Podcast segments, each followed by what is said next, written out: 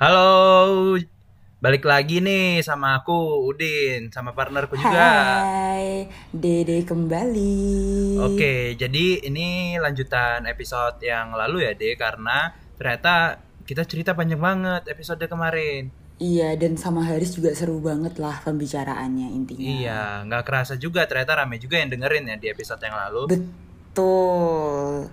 Dan karena kita tahu kalau ini udah masuk ke bener-bener minggu terakhir KKN buat anak-anak 2017. Hmm, Jadi kayaknya lebih asik kalau misalnya kita kita deh bukan cuma aku ya kita bacain message-message yang waktu itu udah masuk ke kita kali ya Ding mengenai apa sih kenang-kenangan di KKN Iya. sih Kita kan bikin question box pas itu di eh, Instagramku, Instagrammu maupun Instagram eh, sosial medianya Mastur Talks. Mastur Talks. Jadi di Yes. follow aja tuh @masturtalks. Mm-mm, Nah, betul kita mau bacain sekali. nih beberapa respon. Jadi eh, kita udah sortir karena ternyata jawabannya rame, kita sortir dulu nih yang cukup menarik bakal kita respon dan teman-teman yang udah ngirim nanti kita bacain aja deh. Karena ada beberapa yang cerita Iya. sama juga. Jadi kan kalau direspon Betul. semua nanti kepanjangan lagi ke episode sebelumnya, ya nggak tuh? iya benar yang penting kalian maunya dibacain kan tahu aku tahu Oke.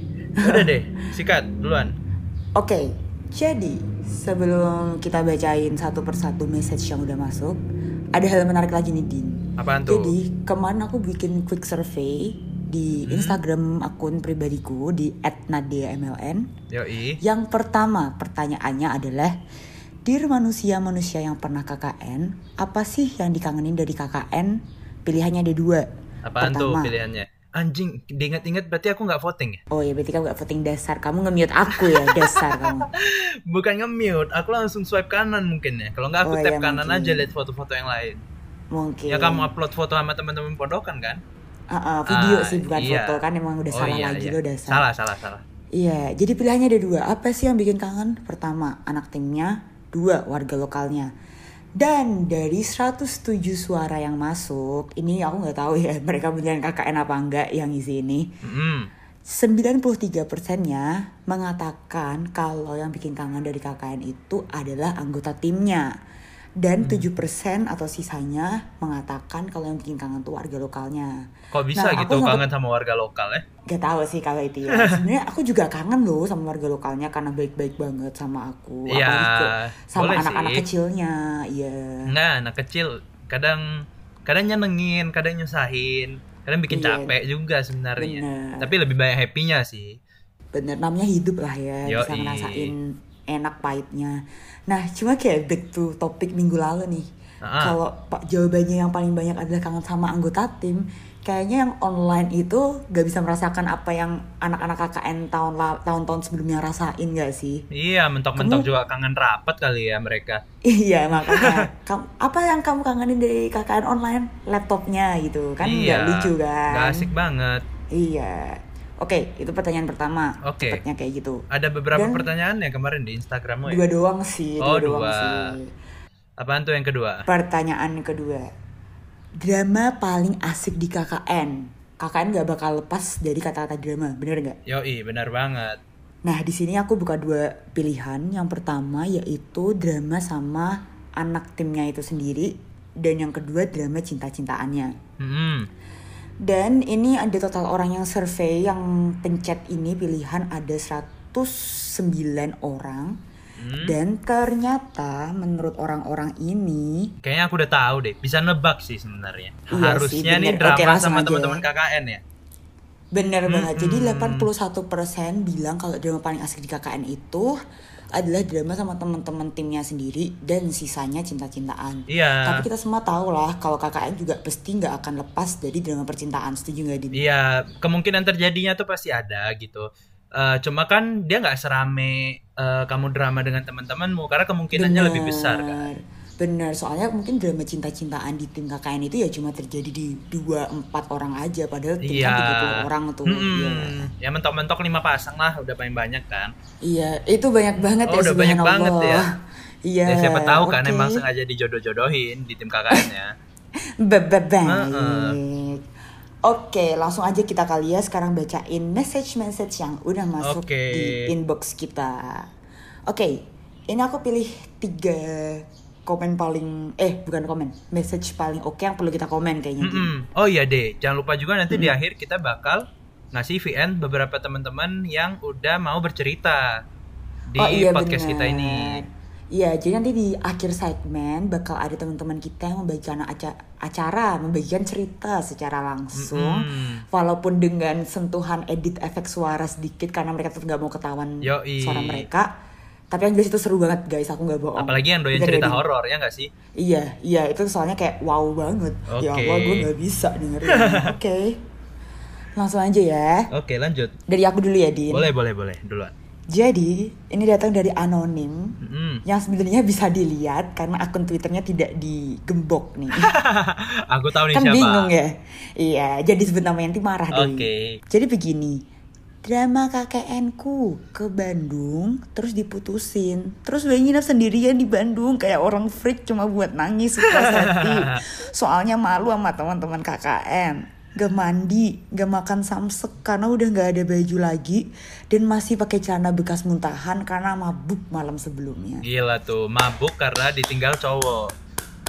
Iya, sebelumnya kayak komenku sih ini cerita kasihan banget dan aku kayak mau ya Allah itu cowok tega banget ya gak sih setuju gak sih? Lu kamu kenal dong cowoknya kan temanmu ceweknya. Oh iya tapi Mas maaf saya gak follow-followan sama anda Beda prodi kita Eh, Jadi kayak maaf mas iya, kita maaf, mas. turut berduka ya buat temenmu deh yang diputusin padahal udah Oh, nyusulin oh. sampai ke Bandung. Berarti kakaknya di Jawa Barat dong ini ya. Waduh dia bilangnya ngakunya KKN di Harvard Gak mungkin kakaknya di Harvard. Kalau kamu Oh, ngunjunginnya mungkin sampai ke aja. Jawa Barat kan. KKN Harvard terus eh, mencari pelosok kan di Indonesia atau pelosok-pelosok ya tidak tahu Oke ya. deh Mbak. Turut berduka. Iya. Semoga cepet ketemu yang cocok sih. Bukan semoga cepet.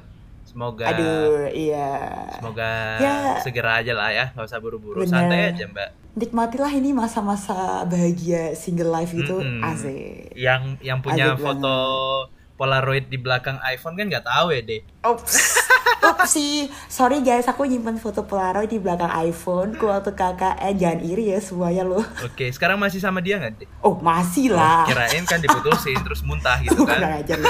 Apaan sih aneh. Ngefollow IG kita nggak sih? Apa? Ngefollow IG kita nggak sih? Enggak. Aduh, nggak boleh ya. Enggak boleh. Oke. Nggak boleh. Next next story. Oke. Siapa nih? Aku dulu, Next. kamu dulu nih. Kamu dong, kamu dong, kamu Oke, dong. ini ada dari temanku. Disindir ibu pondokan jarang sholat. Gimana nih deh? Disindir ibu pondokan jarang sholat. Aku kan nggak pernah ya. Jadi mending kamu deh yang ngerespon kalau ini. Heeh. Pertama, aku punya ibu pondokan, tapi ibu pondokanku eh, lebih ke yang karena tahu kita udah pada gede ya, maksudnya umurnya 21 tahunan waktu itu kayak untuk masalah sholat loh itu kayak kepercayaan kita sama yang di atas masa masih perlu kayak disuruh-suruh Iya. maksudnya kayak paham maksudku kan din Iya, ibu pondokan Kayak- malah bolehin mabuk kan? iya bener banget nggak ngebolehin juga sih tapi kayak Ya ya, udahlah kita- ya. dia percaya kita bisa jaga diri Yoi. dan apalagi ini masuknya ke kepercayaan yang Mm-mm. bagiku sholat itu perlu Mm-mm. bener kan tapi bagi orang bagi orang lain mungkin uh, berbuat baik saja cukup. Iya. siapa yang tahu ya. Kali aja Nah, yang disuruh kayak- sholat Kristen kan? nah mungkin bisa.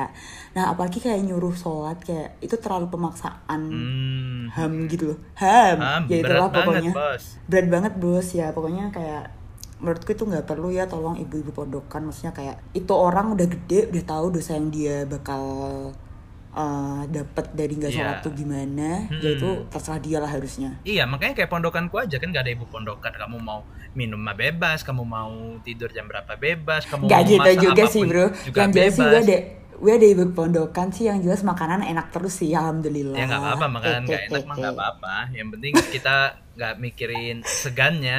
Kotor mah iya kotor aja. benar sih benar itu plus minusnya benar Eh, benar eh. benar Oke, baik next. berarti sekarang aku lagi nih Yoi, boleh. Oke, sekarang lanjut di cerita yang tidak lepas dari cinta-cintaan. Tapi lucunya, ini bukan Hmm. cinta-cintaan di timnya, tapi di perangkat desanya. Waduh, Jadi ini dari temen gue, ini waktu aku baca tuh lucu banget, sumpah. gimana? Nih, aku bacain ya.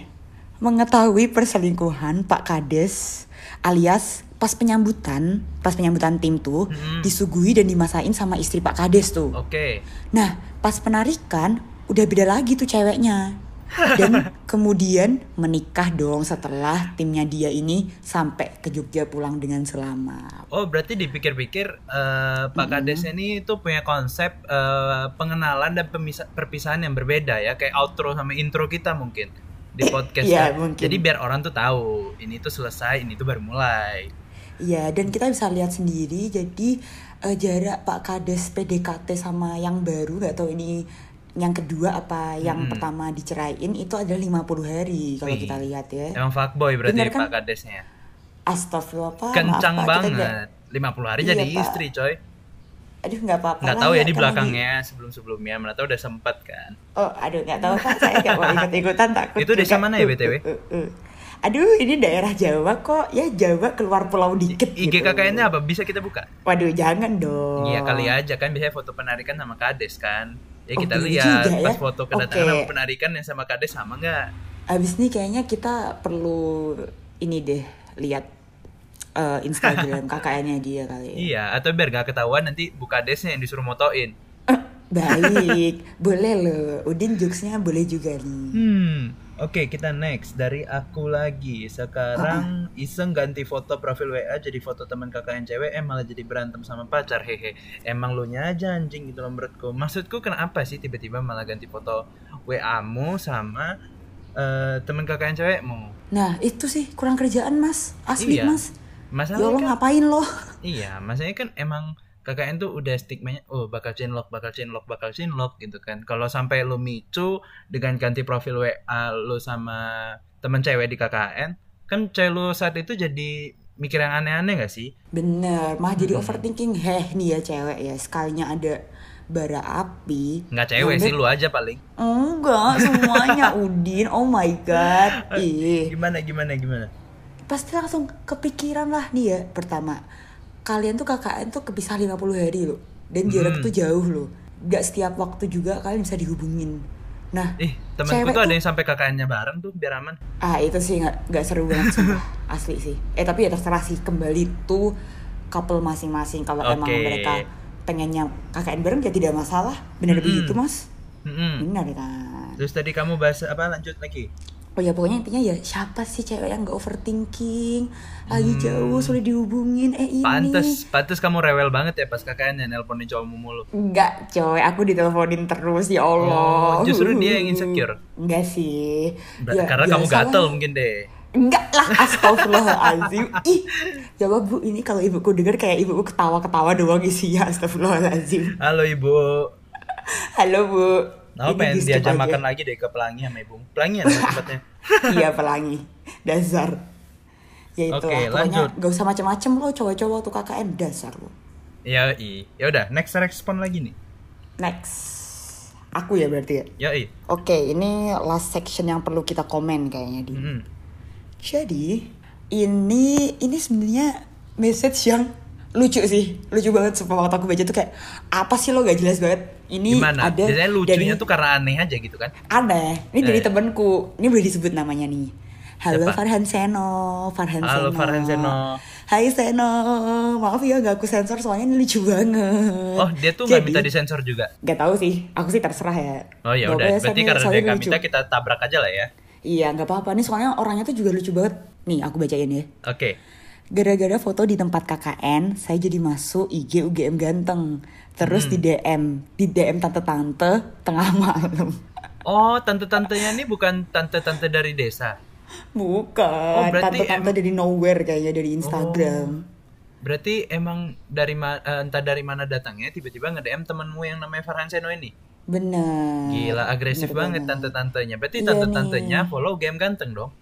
Iya kayaknya, udah ngincer nih ngincer. Oke. Gila tuh. Seno ngelanjutin nggak BTW? Enggak lah, kalau ngelanjutin mah udah dapet cipratan aku kali ya Sen ya. Iya, gila. Seno tiba-tiba ke kampus udah bawa mobil gitu kan.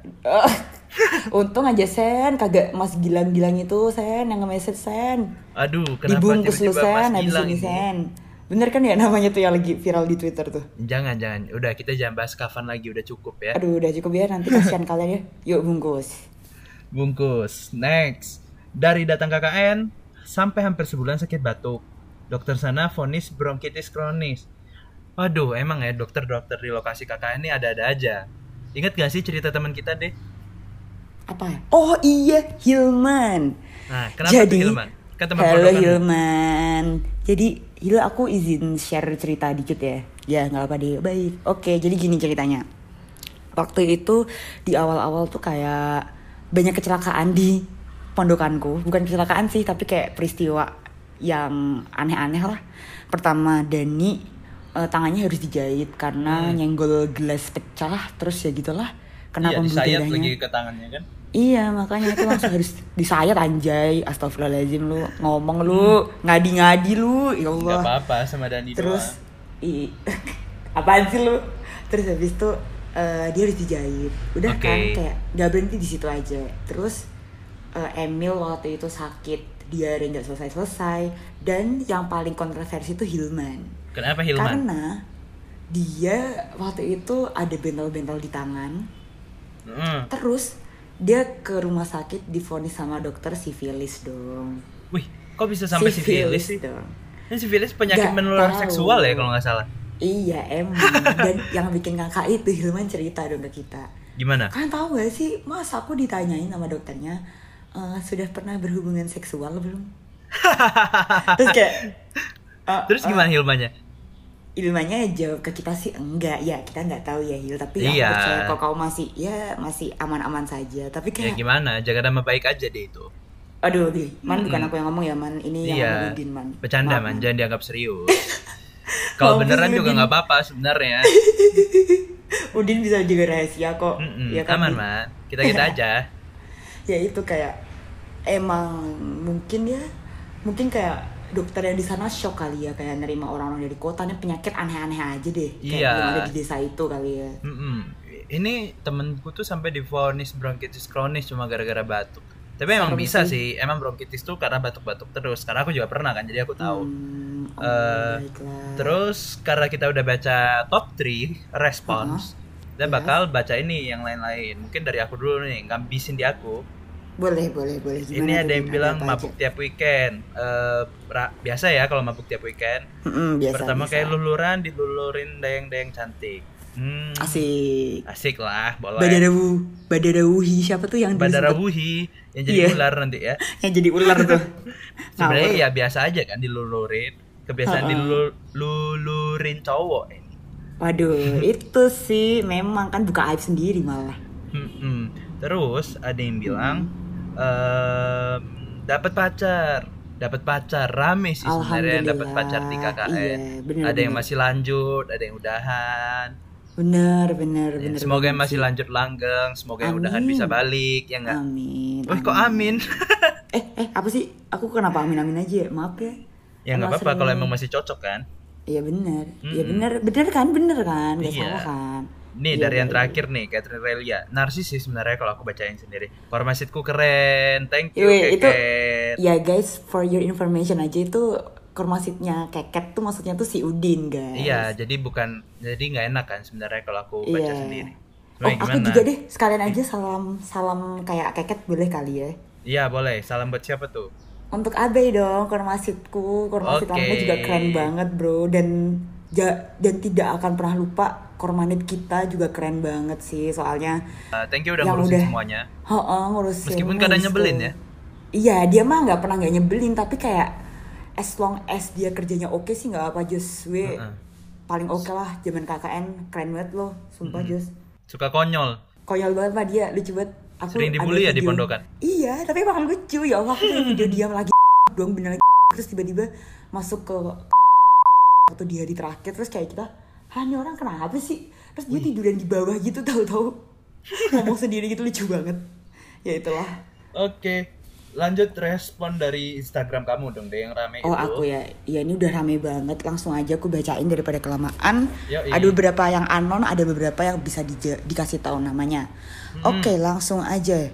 Dari temanku dari prodi sebelah, Hai Afif atau Afif, dia nulis nonton sapi melahirkan sambil dengerin azan asar. Ya udah gitu loh. Ya Nggak tahu. ya. Ya udah nggak gitu. Sapinya pas ngelahirin gak usah diazanin di telinga kanan lagi kan sama bapaknya. Boleh, boleh. Eh, Sapinya nggak punya bapak, mungkin nggak bisa ngazanin. Iya, Nggak hemat tahu. tenaga. Oke, langsung lanjut lagi dari temanku KKN nih dari Stan. Hai Ica eh boleh nyebut nama gak sih Gak tau deh gak, gak tau Hai, pokoknya dia nulis naksir-naksir tipis sama cutting, asik. Hmm, baru tahu stan itu ada KKN-nya. Ada kok, ada. Tapi Terus- magang nggak sih jatuhnya? Enggak kok KKN setahu Oh, emang ke lokasi ya? Iya. Oke, oke, oke. Terus ada lagi nih dari eh, teman mutualku, temanku dan mutualku yang paling ambis kayaknya dari prodi sebelah, prodi seberang. Hmm. Hai Anton, Anton nulis Gak bisa renang, belajar renang langsung dari laut tanpa alat bantu WKWK. Nah itu kelebihan KKN sih. Nah, itu yang nggak bakal didapetin teman-teman KKN online kan? Iya. Jadi emang kita tuh jadi bisa lebih berani sih karena eh, terutama buat teman-teman yang KKN-nya di dekat wilayah laut, dekat laut, itu tuh enaknya gitu sore-sore berenang, Mm-mm, bener banget sih. Jadi bisa explore sendiri lah. Mm-mm, Terus- gampang ketemu pantai. Mm-mm. Lanjut aja sekarang ada dari Monik. Ini Monik tuh teman pondokanku selama 50 hari dan salah satu yang benar-benar paling lucu dan pokoknya bikin lucu lah. Dia kirim ya pokoknya eh, Monik titip pesan. Pokoknya dia kangen sama Emilia Show. Jadi Emilia Show ini show yang diadain oleh Emil salah satu teman pondokanku. Hmm. Jadi korbannya itu duduk di kursi panas dan diubek-ubek lah rahasia-rahasianya gitu. Berarti hampir semua nih udah pernah jadi bintang tamu di Emilia Iya, Show. pokoknya semuanya tuh pada eh, nargetin aku tapi saya tidak mau dong. Terus ini kangen jalan kaki bareng, motoran gak pakai helm, itu lucu banget sih KKN di Mm. luar tuh pasti motornya nggak pakai helm tuh.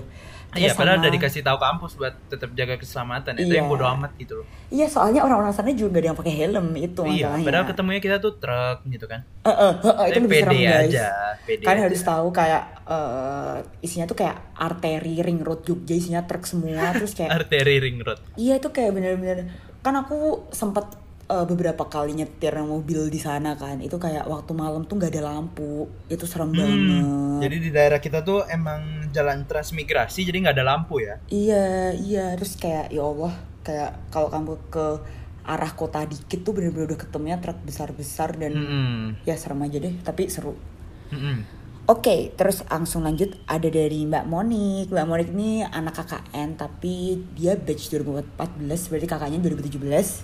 Dia pernah kesasar di tengah sawah, kabutan, pas maghrib dan gak ada sinyal. Fix kayak Waduh. Silent Hill. Itu emang serem Iya. banget sih, aku udah bisa bayangin sih. Setuju gak sih? Iya, siang-siang aja kamu udah susah kalau di Oh, tengah oh. sawah, apalagi sore-sore kabut Oh, gitu oh. kan. Terus langsung lanjut aja kali ya, Din ya. Hmm. Terus ada salah satu temanku yang KKN dari univ swasta di Semarang. Halo Alma. Jadi ini fancy banget satu keluarga satu keluarga KKN nyewa elf buat main ke kota karena desanya pelosok banget dan yang nyupir anak KKN. Wow. Itu keren Oh. banget, Bro. Elf tuh yang dipakai ini kan, biasanya kita travel dari Jogja ke Semarang gitu kan. Betul, betul, Kendaraan betul. travel kan. Mm-mm, bener-bener Hmm. yang kendaraan gede itu. Iya, padahal kita dapat ambulans ya. Iya, lumayan kan. Nguing-nguing padahal ya kita cuma Iya, ada kasur pula dalam Indomaret. ambulansku tuh. Oh iya kok. Oh jadi bener bener bener. Hmm, bener. beneran ada kasur. Bener-bener heeh, aku ingat aku ingat. Oke lanjut saja Mm-mm. dari Astari. Ini Astari dari Undip nih. Mm-mm, Ada Banyak ya tokek anak gede. undip ya.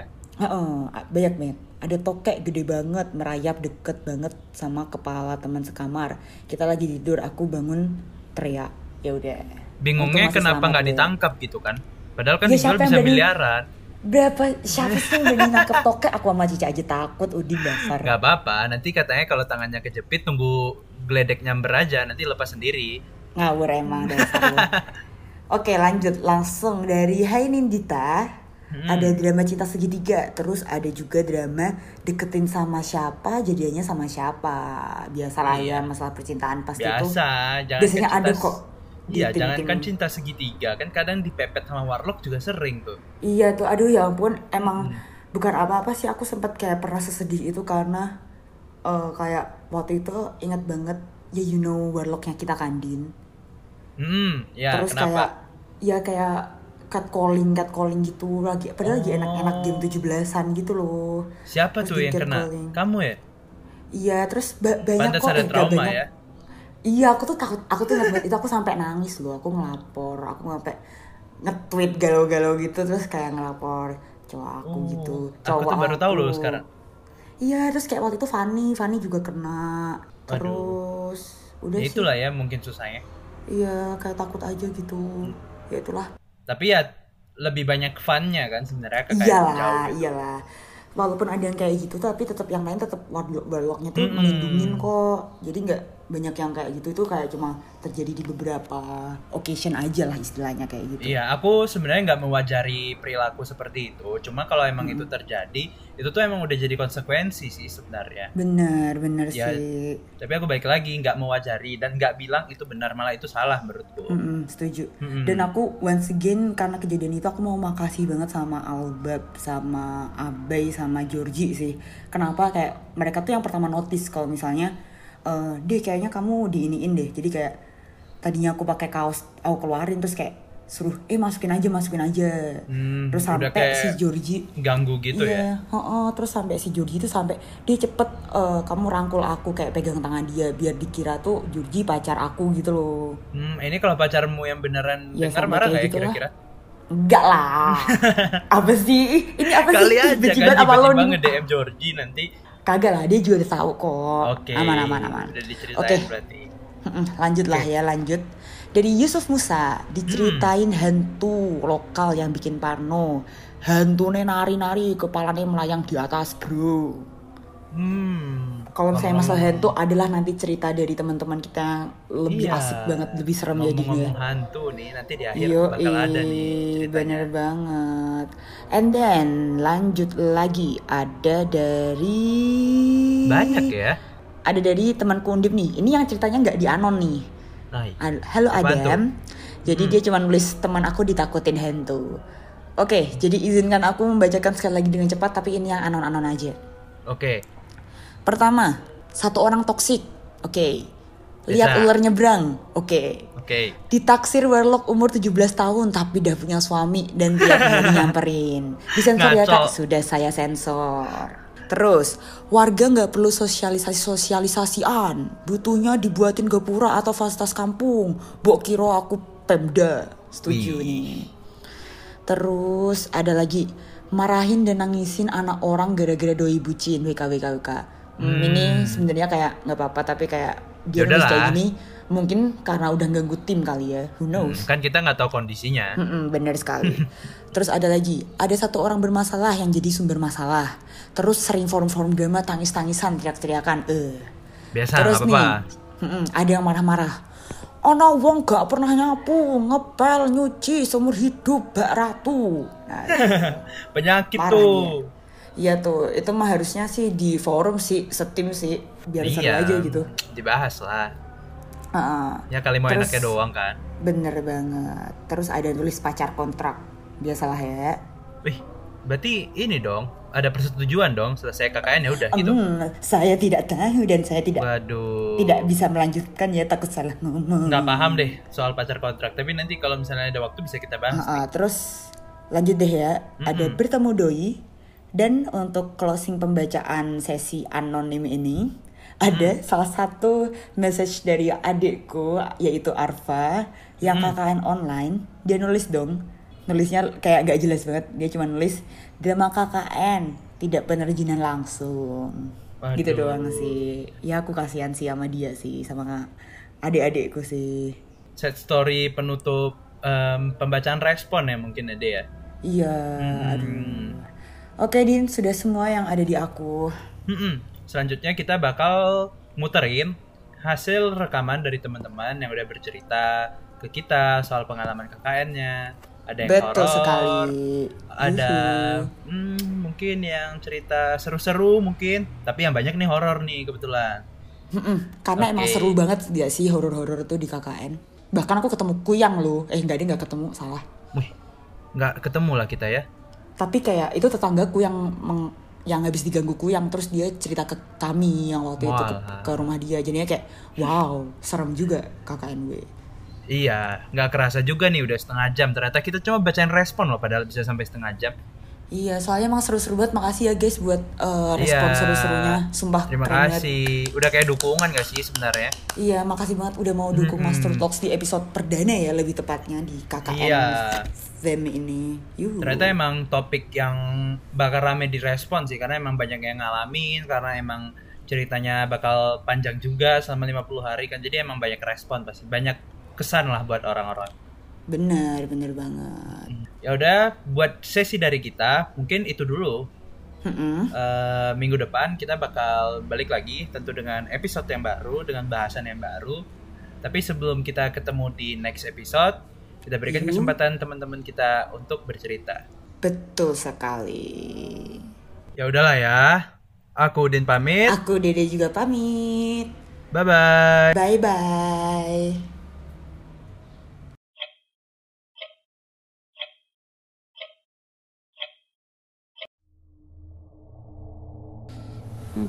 Hai, eh, gue Syara. Gue mau cerita pengalaman gue KKN.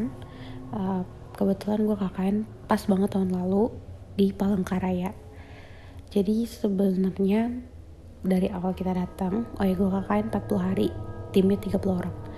Selama kita KKN banyak banget hal-hal yang seru, nyeleneh, bahkan horor bahkan di seminggu awal kita datang KKN udah banyak banget teman-teman yang sebenarnya mengalami hal-hal yang mistis bahkan ada yang ketempelan juga tapi gue akan cerita satu pengalaman gue yang paling memorable dan agak aneh.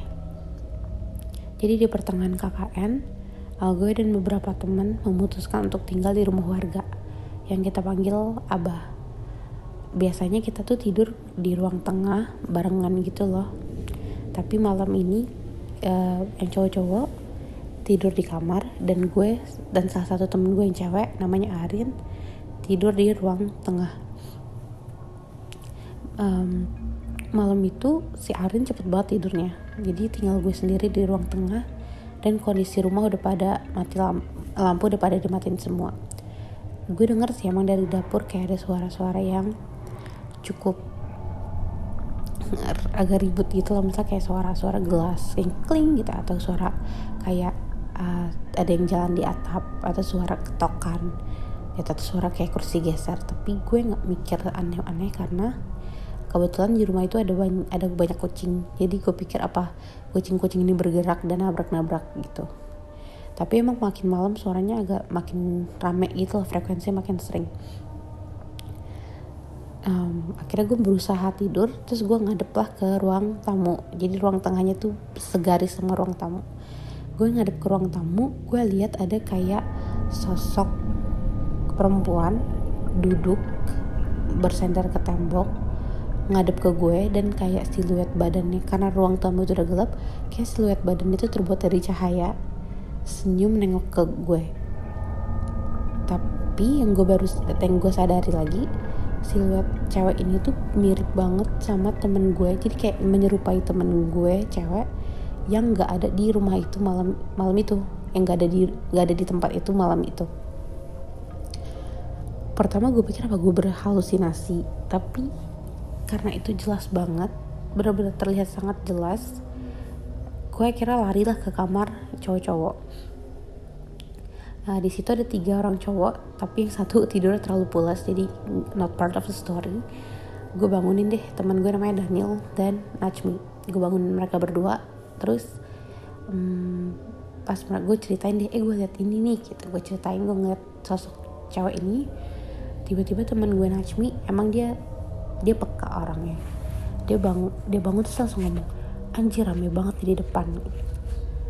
Maksudnya rame hal-hal yang mistis lah pokoknya terus kita panik dong panik tapi si Najmi bilang udah tidur dibawa tidur aja akhirnya kita memutuskan untuk tidur uh, si Arin kita bawa ke dalam juga jadi kita tidur di satu kamar posisi tidurnya itu uh, gue Daniel Najmi. Jadi kita berderetan. Um, setelah kita tidur gak berapa lama pertama Daniel bangunin gue dengan kondisi panik. Bangunin gue dan Najmi. Terus kayak share share lo kenapa? Gitu.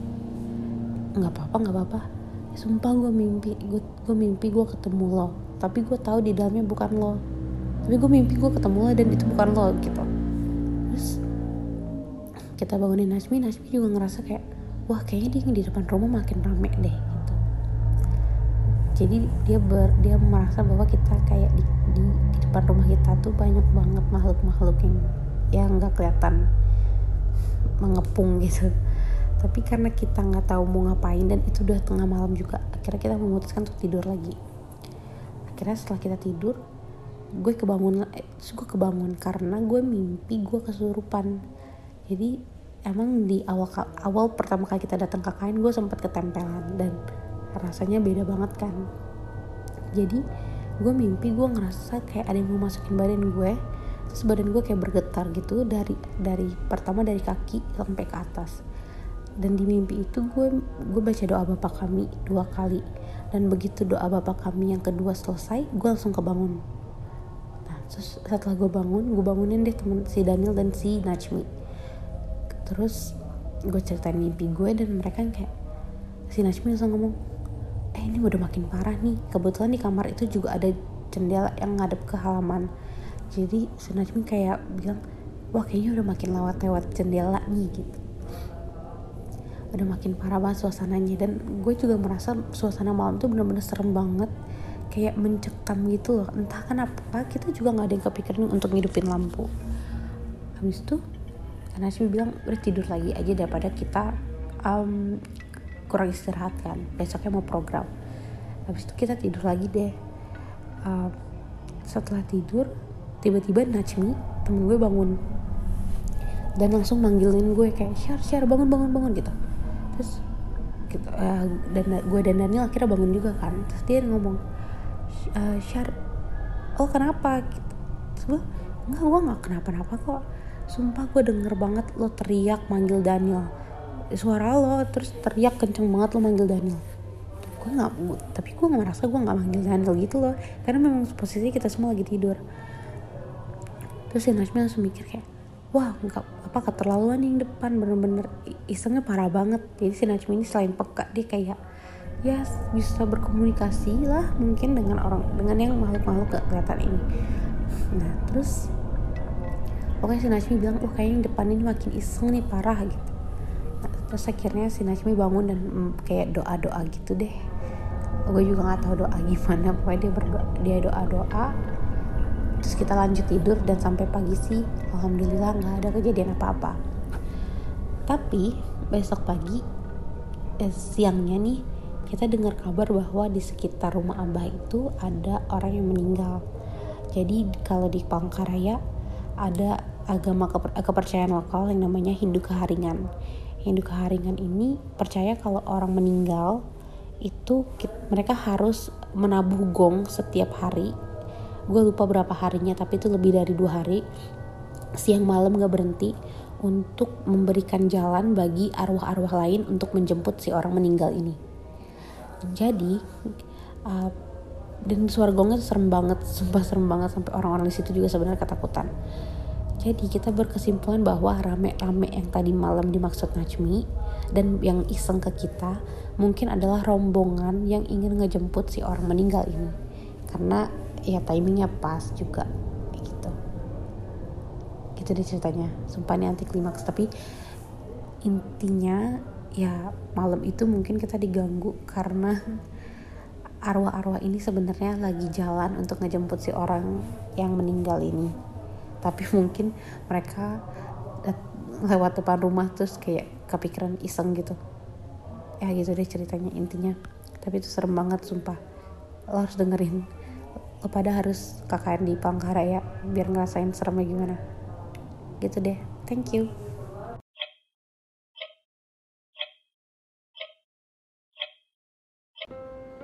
Jadi waktu itu tuh gua apa ya nggak sengaja. Gue nggak tahu juga kalau itu tuh ternyata. Gue juga nggak tahu sampai sekarang sebenarnya. Karena gue google google nggak nggak nemu namanya. Tapi waktu itu gue mau ke perbatasan kalau nggak salah. Kayak batas Papua Nugini sama Indonesia. Nah di situ gue jalan sama subunit gue, terus kita kayak jalan lewat sungai gitu deh. Nah ada bapak ini namanya Pak Cornelius Meho. Nah, disapa sama TNI-nya. Terus kata TNI-nya, "Hei, Bapak gitu-gitu." Ya udahlah pokoknya sapa-sapa. Terus habis itu sembari perjalanan ada yang ngomong, "Nah, itu mantan jenderalnya OPM." Dan nggak tahu juga gue sebenarnya beneran apa enggak, tapi gue nggak tahu juga sih. Nah, tapi di situ kayak seperjalanan gue kepo sih jujur karena akhirnya kayak ya ini orang mantan jenderal serem dong gitu. Nah ya udah kira gue ke perbatasan dan gue balik ternyata bapak ini nongkrong di pos TNI nah nongkrong nih di pos TNI terus ya gue nggak mungkin juga dong nanya kayak bapak mantan jenderal PM ya? Kan nggak mungkin. Tapi di situ gue lihat kayak ya nih orang jujur mukanya serem nyeremin. Serem sih serem sih gue liatnya kayak dia badannya tinggi dan gue lihat tangannya tuh kayak dua kali tangan gue kali.